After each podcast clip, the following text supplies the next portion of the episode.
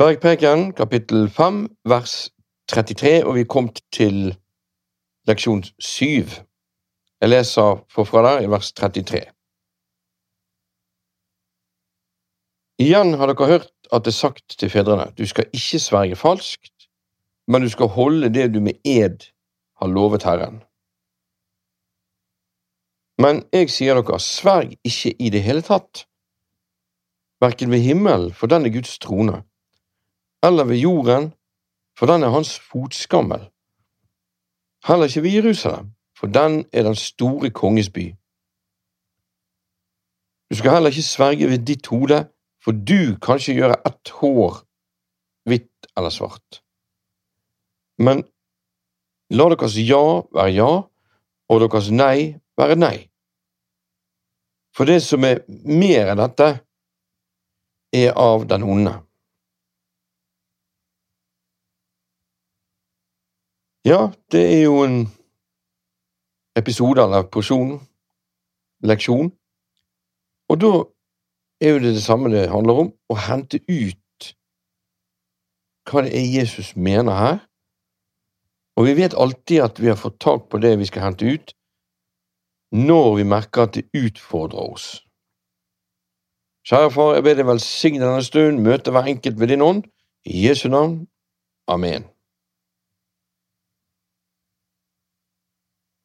Jesus refererer til Gamle testamentet igjen. Det er sagt til fedrene du skal ikke sverge falskt. Ja, det står det jo om i Moseboken, sant? Hvis noen ble innkalt til å være vitne, for eksempel Og øh, vi har jo blant annet i tredje Mosebok Da står det i kapittel 19 vers 11 kan vi ta fra. Dere skal ikke stjele, og dere skal ikke lyve. Dere skal heller ikke fare med svik mot hverandre, og dere skal ikke sverge falskt ved mitt navn. Og dere skal ikke vanhellige din Guds navn. Jeg er Herren. Eller vi kan si jeg er, jeg er, for, for Jehova er jo det som står der som betyr jeg er. Så her har jo vi det. Du skal ikke sverge falskt ved mitt navn. Og da blir det til at jødene vokste opp og hørte foreldrene fortelle fra loven, og dermed ble det sagt blant de, sant? Og det er noe jødene vokser opp med.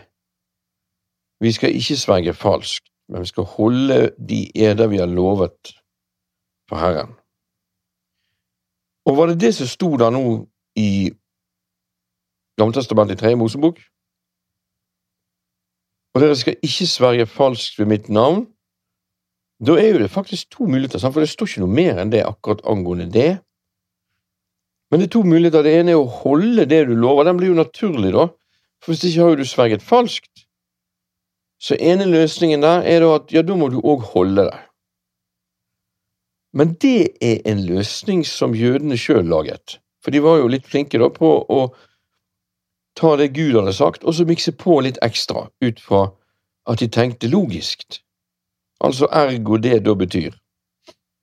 Jeg har lært meg at når jeg leser Bibelen, så kan ergo være der jeg virkelig går feil. Fordi da går du glipp av hva det er kanskje Gud egentlig sier. Og det han har sagt her, er du skal ikke sverge falskt. Ferdig. Og de har løst det med men du skal holde de eder du har lovet for Herren. Kan være det står noe sånt òg, i så fall. Jeg har ikke funnet det, men, men mest sannsynlig så er det noe de har funnet på, kanskje. sånn. Og det er uansett en logisk slutning hvis man først sverger, da. Men en annen måte å løse det på, hvis du ikke skal sverge falskt, er jo at du aldri sverger. Og det er det Jesus kommer med her som løsningen. Men jeg sier dere, sverg ikke i det hele tatt. Og hva er grunnen til det? Verken ved himmel, for denne Guds trone. Du har ikke noe makt, altså, til å sverge på den måten ved himmelen, liksom. Og du har heller ikke makt til noe på jorden, for hvis man sverger ved noe, så betyr det at det noe en sverger ved, det kommer med en ekstra tyngde inn i det en sier. Så jeg sverger ved himmelen, og ekstra tyngde. Himmelen er med meg på dette, liksom. Men det kan ikke jeg gjøre, for det er Guds trone. Eller noe ved jorden, sant? Det kan du heller ikke gjøre. For det er hans fotskammel, sier Jesus. Og heller ikke ved Jerusalem, for det er den store konges by. Hvem er den store konge? Det er jo faktisk Jesus sjøl. Så du har ikke noe makt over den byen til å sverge i den forstand. Du skal heller ikke sverge ved ditt hode, for du kan ikke gjøre et hår hvitt eller svart. I dag vet vi at det kan vi jo, vi kan farge håret, men han mener da naturlig at det forandrer seg. Og når ikke du kan det engang, hvordan kan du da sverge ved hodet ditt? Vi har noe mye mer avansert ved hodet ditt enn hårene dine, nemlig hjernen din og øyet, hvordan øyet fungerer, eller nese, eller du, du, har ingenting der du har noe særlig makt over likevel. Så det er på en måte ikke gitt deg å bruke de faktorene til å få tyngde på det du sjøl sier. Vi ser jo det i Markus kapittel 14. Der er det jo denne tjenestekvinnen som kommer og sier du var med. Ja, vi kan lese det. Eh, hvis vi går til eh, vers 66 i kapittel 14 i Markus. Da står det da Peter var nede på gårdsplassen, kom en av øversteprestens tjenestepiker. Da hun så Peter som varmet seg, så hun på ham og sa, også du var sammen med Jesus fra Nasaret men han nektet på det og sa jeg verken vet eller forstår hva du mener. Han gikk ut i portrommet, da gol han. Pinsepiken så han igjen og begynte å si til de som sto der, denne er en av de. Men fortsatt nektet han for det, og litt senere sa de som sto der, igjen til Peter, sannelig, du er jo en av de, for du er jo en galileer, også språket ditt vitner om det. Da begynte han å banne og sverge, jeg kjenner ikke dette mennesket som dere snakker om. For andre gang gol han, da husket Peter de ordene Jesus hadde sagt, før han galer to ganger, skal du fornekte meg tre ganger. Og da han mintes dette, brast han i gråt. Ok, her står det jo at Peter både bannet og sverget. Men altså kommer det liksom hva han sa, men vi ser jo ikke der at det er noe banning og sverging. Jeg kjenner ikke dette mennesket som dere snakker om. Han sier jo ikke 'jeg sverger på at jeg har ikke sett', eller det kommer ikke noe banneord, liksom. Så gjorde han det i tillegg, da, eller i tillegg til det som står at han sa, eller er det det han sa som er banningen og svergingen? Det har jeg prøvd å finne ut av før, men det er litt vanskelig å finne ut av det så har jeg antatt La oss si, da, at det er faktisk det han sa. Hvor er banningen i så fall?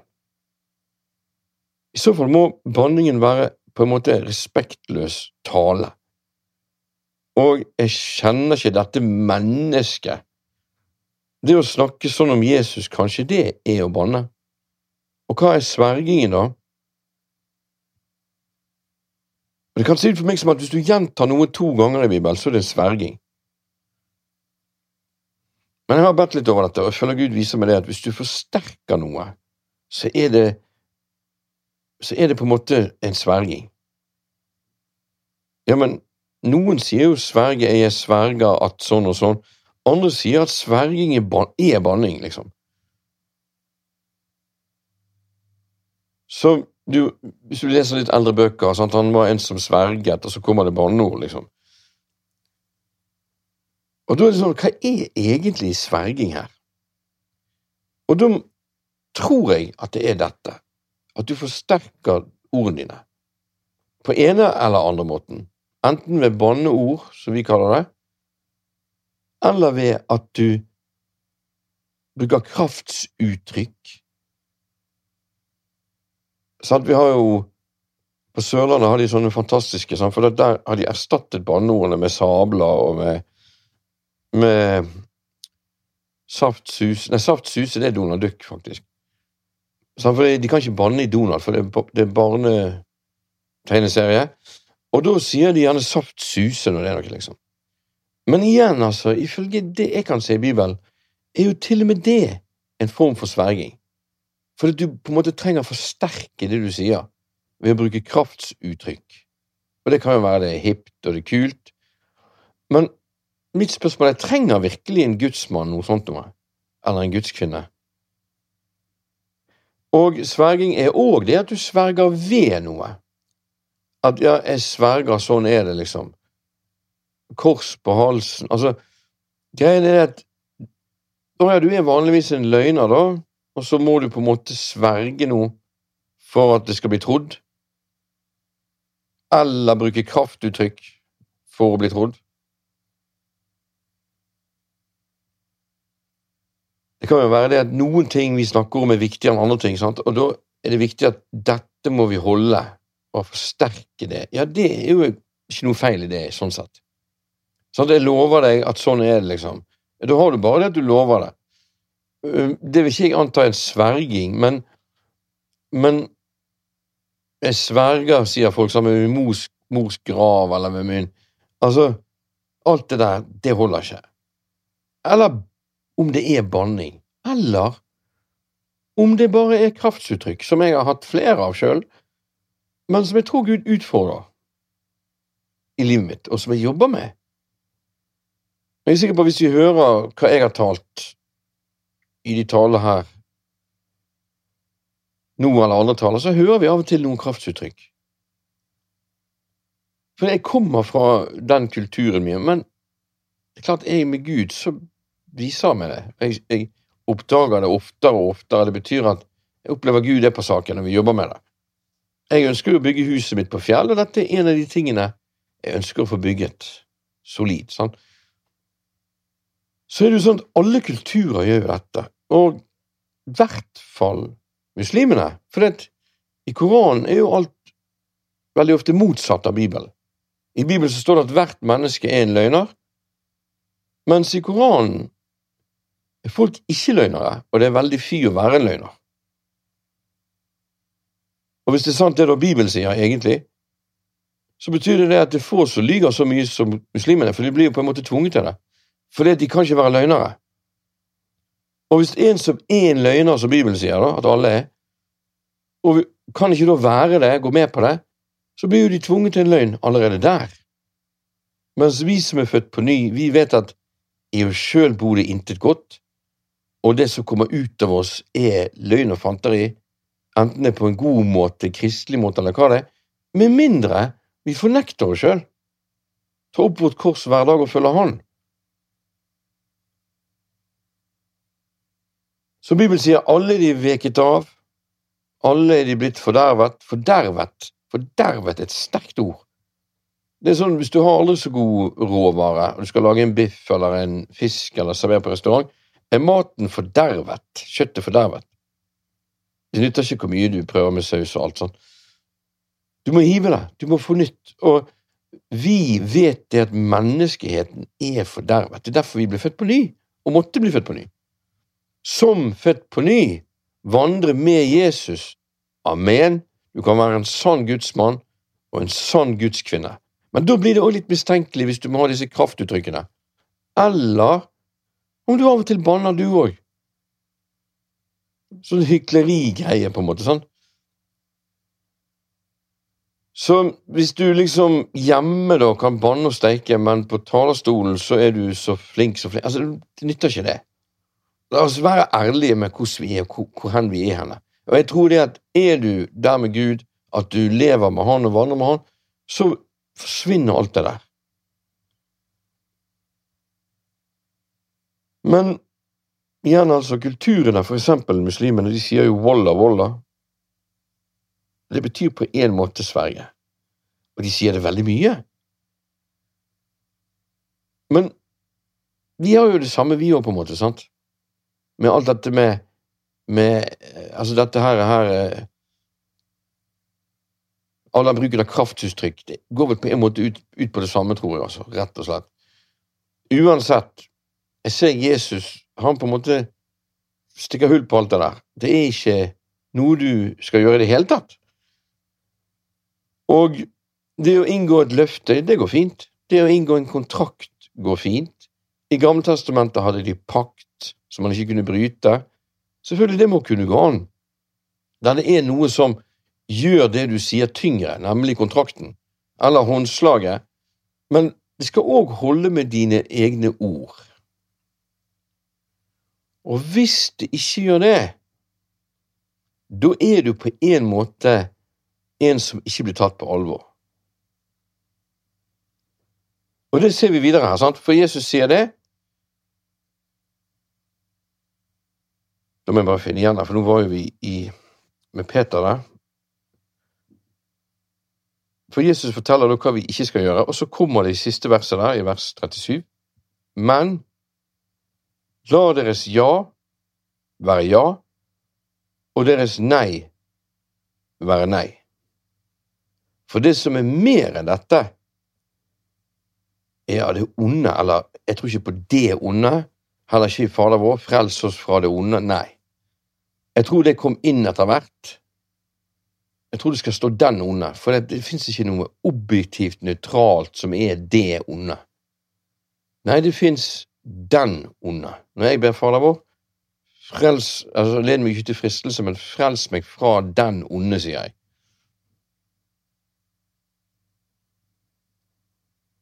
Så her òg, for det som er mer av dette, er av den onde.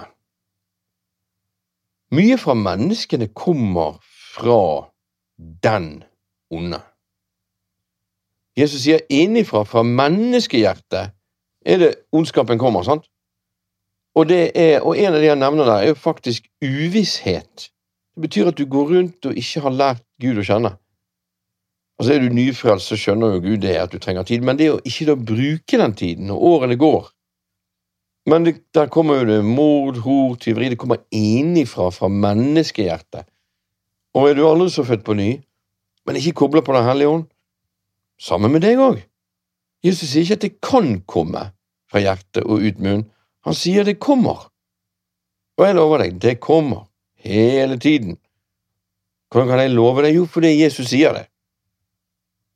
Unntaket er jo at du fornekter deg sjøl, vokter tungen din, bærer korset ditt og følger Han, selvfølgelig. Det er derfor jeg må vente på han om morgenen til jeg opplever kontakten med han. Hvis ikke risikerer jeg å gå rundt og være kristen ut fra mitt eget hode. Og hvem vet om det er sjøl eller ikke da? Jeg vet i hvert fall ikke. Det kan være aldri så bibelsk og aldri så bibelvers, men helt feil ord inn i situasjonen likevel. Jeg lærte meg det at jeg har ikke peiling, jeg må ha kontakt med han. Folk kom til meg, jeg hadde svar på alt mulig, jeg men det bare at det hjalp det ingenting.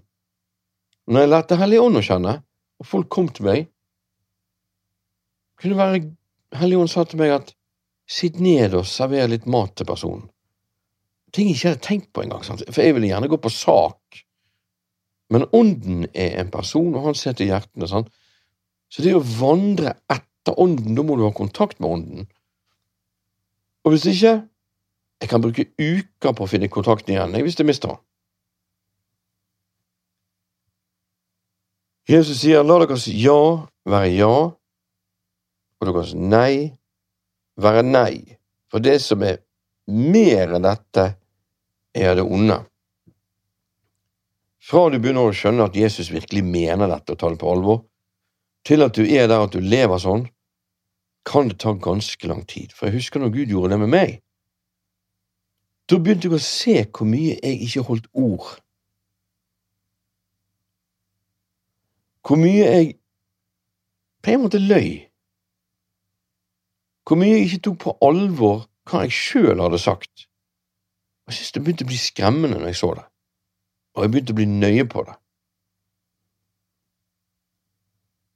Altså, ring meg, om ikke jeg tar han der og da, jeg er en person som alltid ringer opp igjen.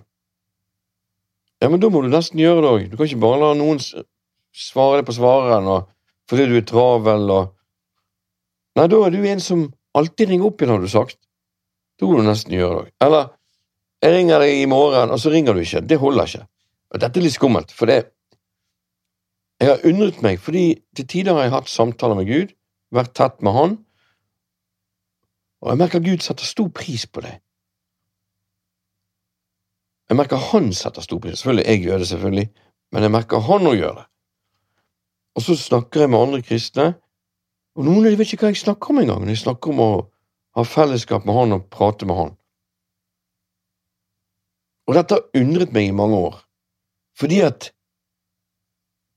jo, Gud snakker gjennom Bibelen, sier de. Ja da, men Jesus selv skiller jo mellom den type snakkingen og den å ha intimitet med Han, uten Bibelen.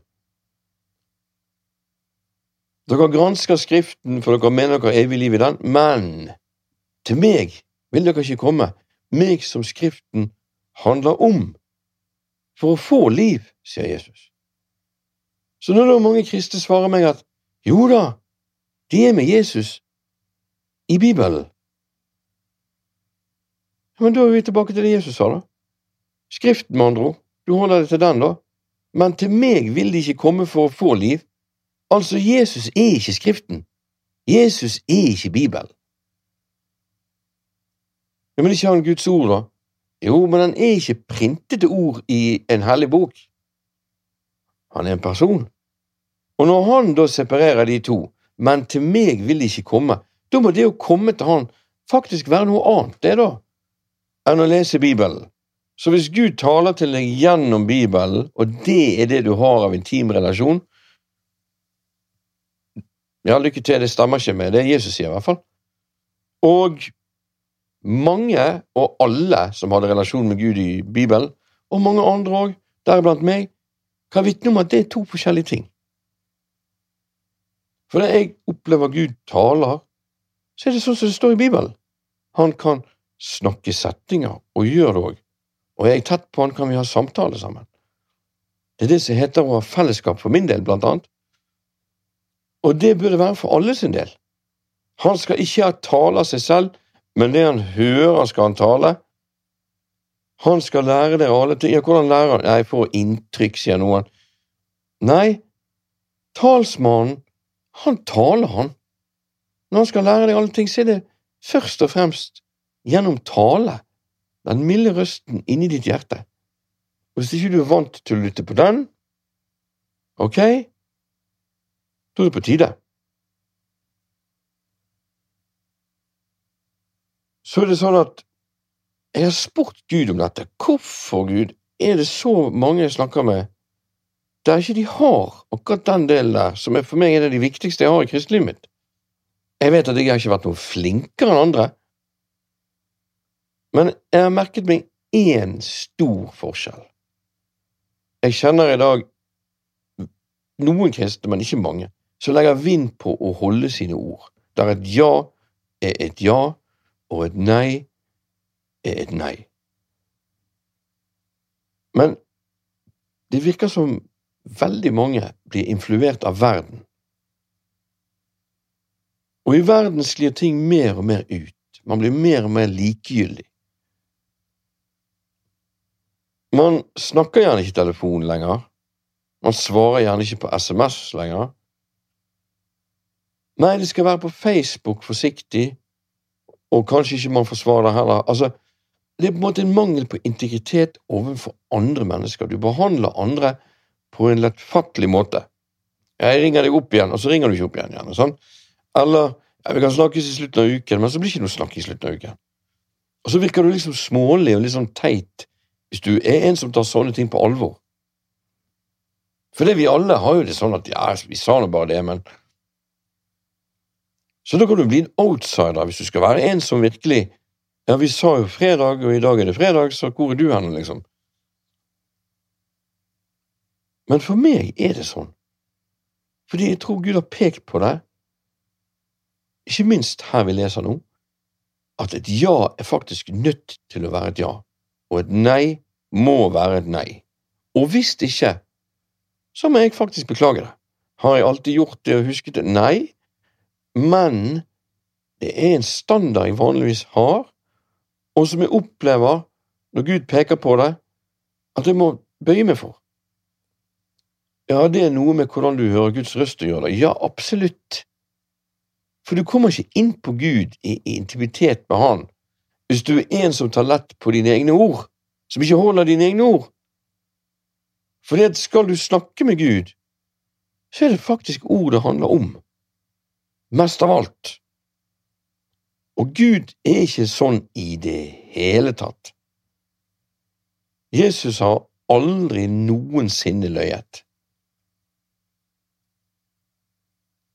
Så hvis du møter han, og du er en som ikke tar ord på alvor, og en som lyger til og med Ok, Gud er nådig, han kan møte deg, men det blir ikke noe relasjon på sikt hvis du lever sånn.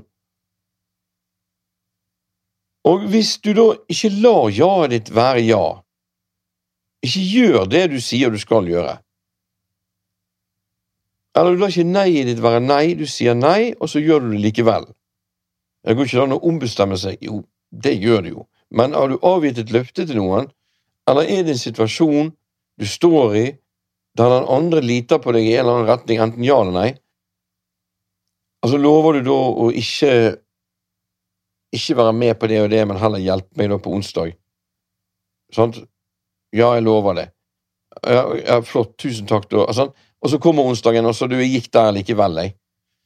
Jeg har fått sånn, jeg ringer folk opp, og så kommer det sånn Du, jeg ombestemte meg fordi at Jeg husker en gang jeg var syk, og jeg trengte mat. og Jeg var skikkelig dårlig, skikkelig, skikkelig dårlig. Og så var det en som skulle hjelpe meg, og det var eneste hjelpen jeg hadde. Og så skjedde det ingenting.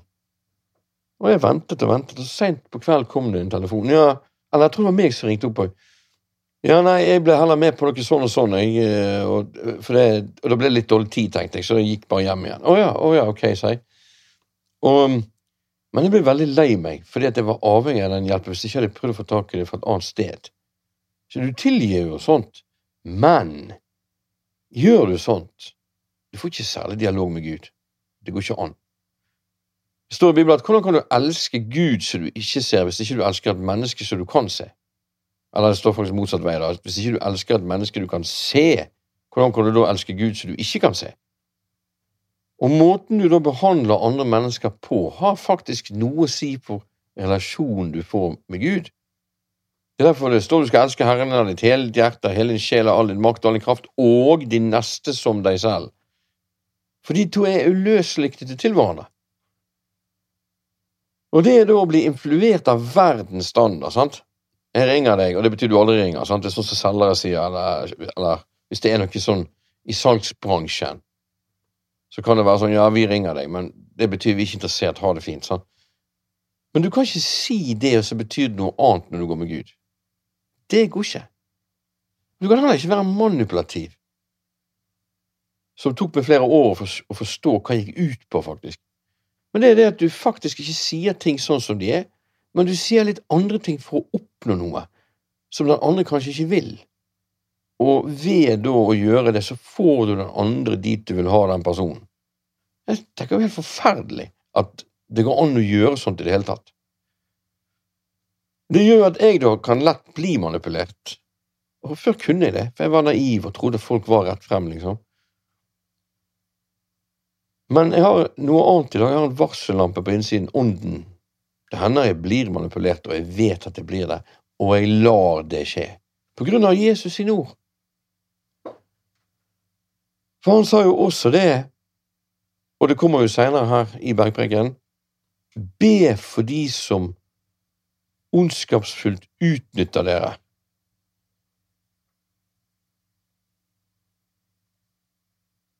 Så det å bli manipulert er mye bedre enn å være en som manipulerer. Det er mye bedre å være den som blir offeret, enn den som utgjør skaden, for å si på den måten. Og det å lide urett, det er jo vi alle kalt til, står det senere i Bibelen. sant? Så et av kallene mine er å lide urett. Amen. Det er fint, vet du, for da får jeg samfunnet med hans lidelser, og jeg blir mer kjent med han. Og For meg er det det det dreier seg om, først og fremst, egentlig for oss alle. La deres nei være nei. Det er dumt vet du barneoppdragelse. Nei, du får ikke gå ut etter klokken ni, for det er sånn og sånn og sånn. Og så seinere, ja, men hør da, mamma, sånn og sånn. Og så til slutt, ja, ok, da, sant? Og hvis man har det der for mye, så lærer barna seg til å strekke grenser, de lærer seg til å bli manipulerende. Man er med på å ødelegge for ungene sine. Når de da blir voksne, så er de kanskje blitt eksperter i manipulasjon, fordi at du ikke lot nei være nei. Grensesetting er en svært viktig ingrediens i kjærlighet. Og i, ikke minst i, barneoppdragelse. Gud, helt fra starten av, skapte mennesket, og det var fantastisk, men ett element ut av det var grensesetting. Du finner ikke kjærlighet, for Gud er kjærlighet. Du finner ikke kjærlighet uten grensesetting. Noe av det ondeste du kan gjøre mot barn, som er veldig populært i dag til og med, det er å gi dem fri oppdragelse. Og det ser vi i Bibelen òg. Den sønnen som går imot Gud og mot sin egen far, på manipulerende måte til og med, og seinere på krigsmåte, det er jo Absalom. Og det står at hans far hadde aldri tuktet han. Og tuktet der ligger jo under grensesetting, sant? Og Bibelen sier òg at Gud tukter hver sønn han har kjær. Hvis det er ekte sønner, så blir de tuktet. Men hvis faren ikke bryr seg, og det ikke blir grensesetting Barn gjør gjerne hærverk er ungdommer, sant? For, for, for å få den delen for de kjenner implisitt at de trenger noen som setter grenser for dem. Og dermed så strekker de grensene mer og mer og mer. For et, eller annet inni de roper på straff. Det høres jo gjerne helt dumt ut, men de roper på å bli tatt, for å si på den måten. De roper på at noen skal bry seg om hva de faktisk gjør. Jeg tror ikke de gjør det bevisst, men på, si, står i ordspråket noe om en sønn som er overlatt til seg sjøl. Det er ikke bra. Og jeg kjenner i hvert fall ikke Gud sånn. Jammen kan han sette grenser, og gjør det òg. Jo mer jeg har kontakt med han, jo mer jeg opplever han, jo mer grensesetting kommer han med. Og han kan gjøre det òg, fordi jeg er trygg på han. Og prinsippet om at et ja være ja og nei være nei, må faktisk holdes, og hvis ikke må det faktisk beklages. Vi kan gå, kan ikke bare gå videre etter det og late som ingenting. Altså, det kan du, men den dagen du er i nød, og den dagen din kjære venn Lasarus er død, Gud kan i hvert fall ikke bruke deg til å si Lasarus kom ut, for han kommer ikke til å komme ut. For dine ord veier like lite da i åndeverdenen som de gjør ellers. Når du lar ja-et ditt være nei, og nei-et ditt være ja, og du faktisk tjener den onde, fordi Jesus sier det er av den onde. Det å være en gudsmann eller -kvinne med integritet, med karakter, helhjertet, tror jeg er nødvendig for å kunne bære den salvelsen Gud ønsker at vi skal være bære av, og tjene Han. Og vi er på en måte ambassadører for himmelen. Vi må kunne representere himmelen. Og når vi vet at de som virkelig er oppe i samfunnet på viktige, viktige oppgaver, de må kunne holde sine ord. Da må i hvert fall vi det, for vi tjener et mye høyere rike. Nå skal ikke vi kunne tøyse og, og sant? Mange bruker mye kraftuttrykk og ikke så nøye med Altså, det er en livsstil å leve sånn at ikke du gidder alt det du snakker om der, Karsten. sånn. Ja, lykke til med det. Jeg, jeg, tror ikke noe på det. For meg er dette en del av å bygge huset mitt på fjell. Ingen mer sverging. Ingen mer banning. å holde mine ord, enten det er ja jeg har sagt, eller nei jeg har sagt, eller opplyse om det. Du, jeg må forandre den ja-en til nei. Jeg beklager det. Jeg vet jeg sa ja, men sånn og sånn og sånn. Ja, så må vi se litt mer på den svergingen, for den er litt mer omfattende enn bare banneord eller sverge ved noe. Eller at en på en måte legger tyngde i det. Det kan ut for meg som, at, som jeg sa tidligere, hvis du gjentar deg sjøl to ganger, så er jo det òg en ekstra tyngde i det. Men vi har mange eder. Mange av de vet ikke vi om. Og mange av de er om oss sjøl, der vi har bundet fast livene våre til negative hendelser og ting ved våre ord. Og Jeg skal gi dere noen eksempler. Jeg er alltid sånn at jeg er lat om morgenen. Ok, så prøver du å endre på det, men det kan du ikke. For du har nemlig sagt at du alltid er sånn at du er lat om morgenen. Eller dette her populære uttrykket jeg hører Kristus sier til meg, vi er bare mennesker. For en løgn! Er du født på ny, er ikke du bare et menneske, nei. Så dermed kan du unnskylde karakterene hele tiden og si Nei, vi er bare mennesker. Nei, vi er guddommelige og mennesker. For vi er i Kristus Jesus. Kom ikke si at han bare er menneske. Ja, men vi ja, men vi er jo i han, og han er jo i oss. Og vi er ett med han. Eller man sier at jeg kommer nok til å dø når jeg er 53, for da døde jo den og den i slekten min. Altså, det, da har du kastet en forbannelse over livet ditt, og, og en ed. Du har talt ut noe negativt om ditt eget liv. Jeg husker meg, sant, jeg ble kristen, og lese Bibel og kristne bøker, og jeg bare sa så sant det var, tenkte jeg. Gud, jeg er ikke sånn som leser mye, så det, det er glemmesak. Det skjer ikke. Det her passer ikke meg så godt. Men da kom jo Gud og sa til meg at nå er du født på ny, og hva vet du om du er en som leser mye eller ikke? Å ja, du er en som leser, sa han. Det var liksom en helt ny tanke for meg. Å ja. Det måtte forandre synet på meg sjøl.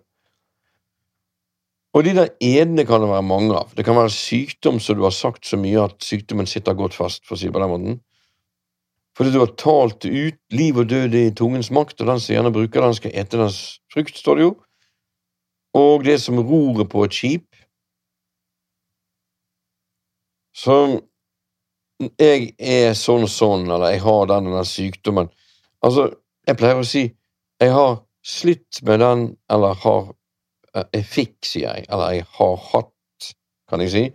Eller jeg sier jeg har slitt med, men jeg sier ikke jeg har, for jeg tror ikke noe på det. For det, i hans sår ble vi helbredet, står det i Peterbrev. sant? Så da vil jeg leve det, jeg. Ja, men har du opplevd det friskt og av den grunn? Nei, jeg tror jo på det at da har jeg muliggjort helbredelsen. Hvis ikke er det ganske stengt med mine egne ord. For vi andre i tro, står det jo, sant? ikke de synlige. Så jeg tror ikke på at jeg har noen kronisk sykdom. Jeg tror på Jesus. Og i hans så ble jeg helbredet. Så da går ikke det an. Og det vil manifestere seg, det er jeg overbevist om. At det er full helse.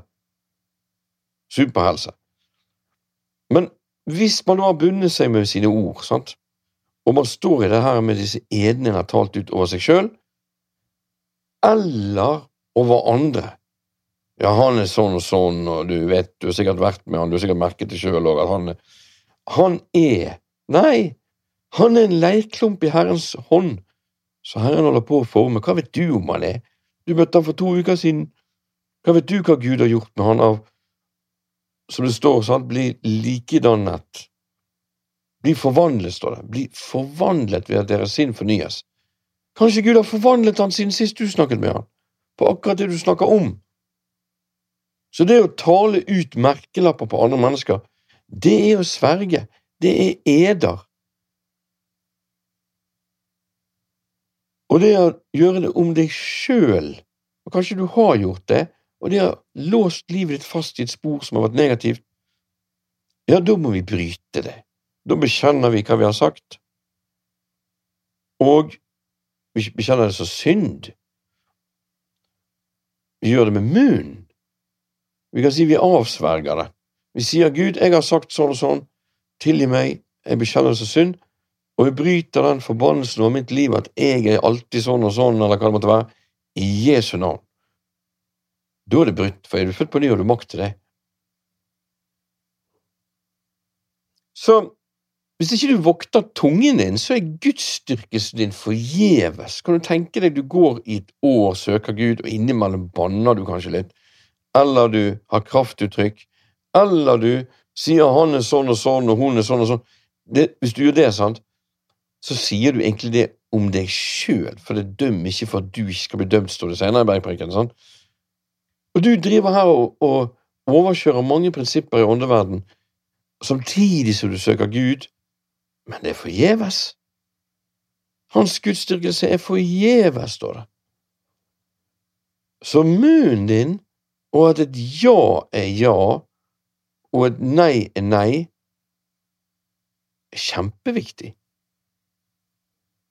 Jeg holder ikke med å si viktig da, Karsten, må du si kjempeviktig. Nei, det tror jeg ikke noe galt med, fordi at viktig er jo et viktig ord, sånn at du skjønner det er viktig, men hvis jeg sier kjempeviktig, så er det en annen måte å gjøre det på enn sånn som det står i Gammeltestamentet. For der står nemlig ordene to ganger etter hverandre hvis de skal forsterkes. Så ja, da kunne jeg sagt det er nemlig viktig, viktig. Men det gjør ikke vi på norsk. Vi sier for eksempel kjempeviktig. Det tror jeg ikke noe galt med. Jeg tror ikke noe galt med å bruke ord for å forsterke et poeng. Men det kan være galt. Hvis du virkelig må bruke det for å bli trodd, eller for å få frem og bli hørt mer enn andre, osv.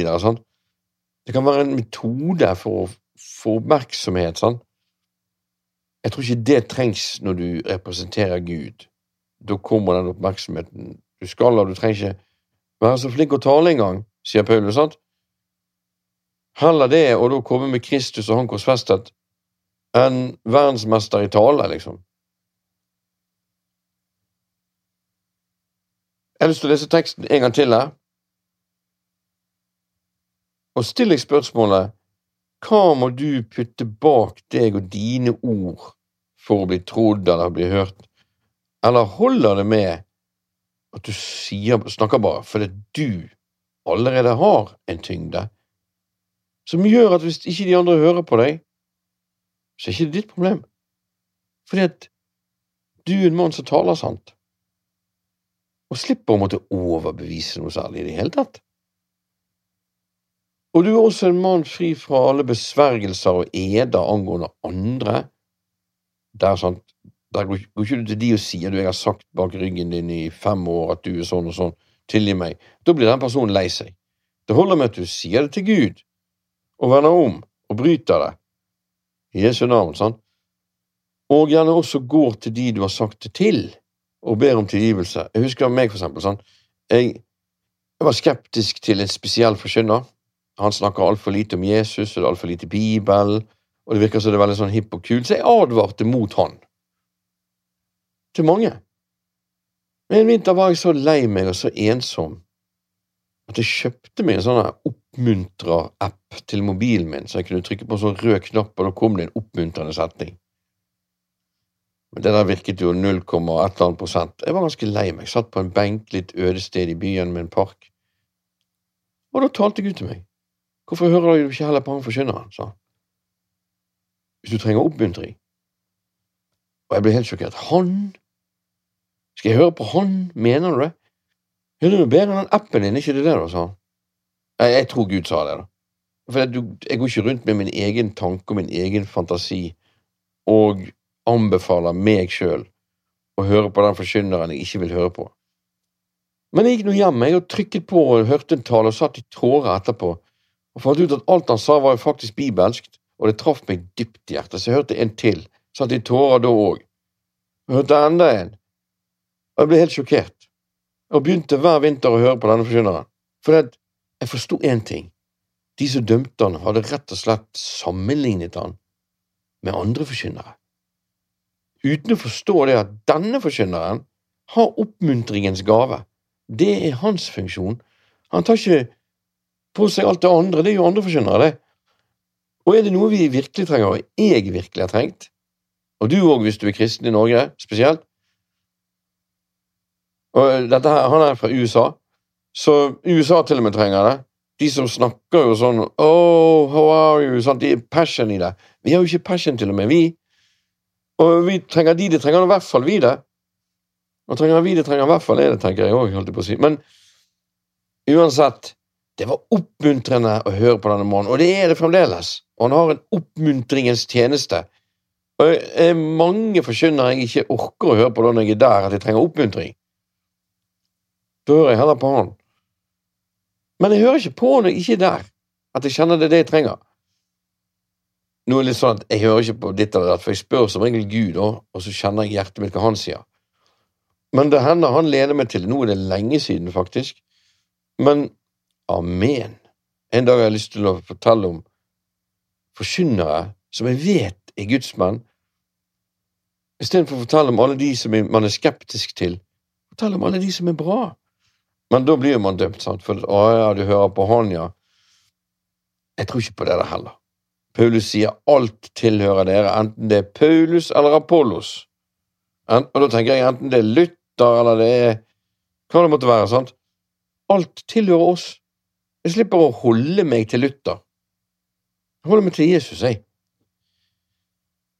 Så det å på en måte tale ut ja, han må ikke du Jeg måtte kontakte de jeg hadde sagt det til, Jeg si du, unnskyld, hør på han likevel, jeg har tatt feil, jeg beklager dette, at jeg har stengt veien din for å høre på han fordi du har trodd på mine ord. Jeg burde heller ikke sagt noe. Så du vandrer som en helhjertet gudskvinne eller gudsmann, og du har ingen besvergelser over deg sjøl og ditt eget liv, ikke over andre, og du bruker ikke kraftuttrykk heller, og du holder dine ord, og du legger vind på det, og du ligger på kne og søker Gud, skulle Gud da ikke tale til deg? Selvfølgelig gjør han det, fordi at du er sann, du er ekte, og jeg tror det òg er umulig å søke Gud av hele sitt hjerte, så skal han la seg finne for deg. Jeg tror ikke det går an å søke han av hele hjertet uten å touche borti det temaet her. Jeg tror Gud vil på veien mens du søker han av hele hjertet, peke på dette, slik at du må rydde opp i det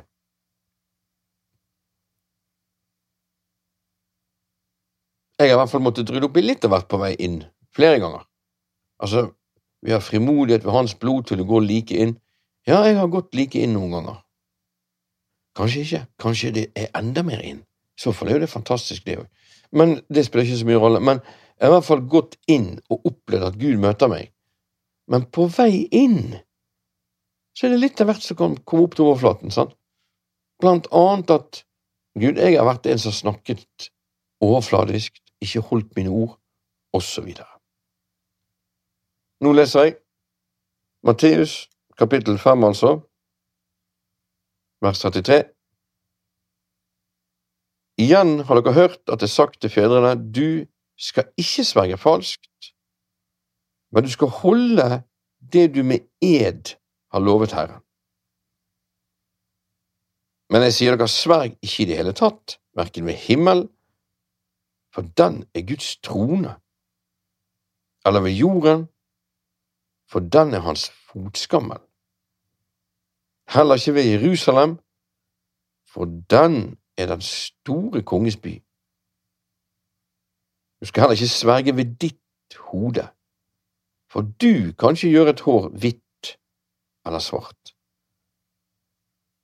Men la deres ja være ja, og deres nei være nei. For det som er mer enn dette, er det onde. Eller den onde, tror jeg det skal være. Jeg bare sier at Noen har tenkt det at ja, hvis du da har en ja, og så har du enda mer ja, da er det mer enn dette.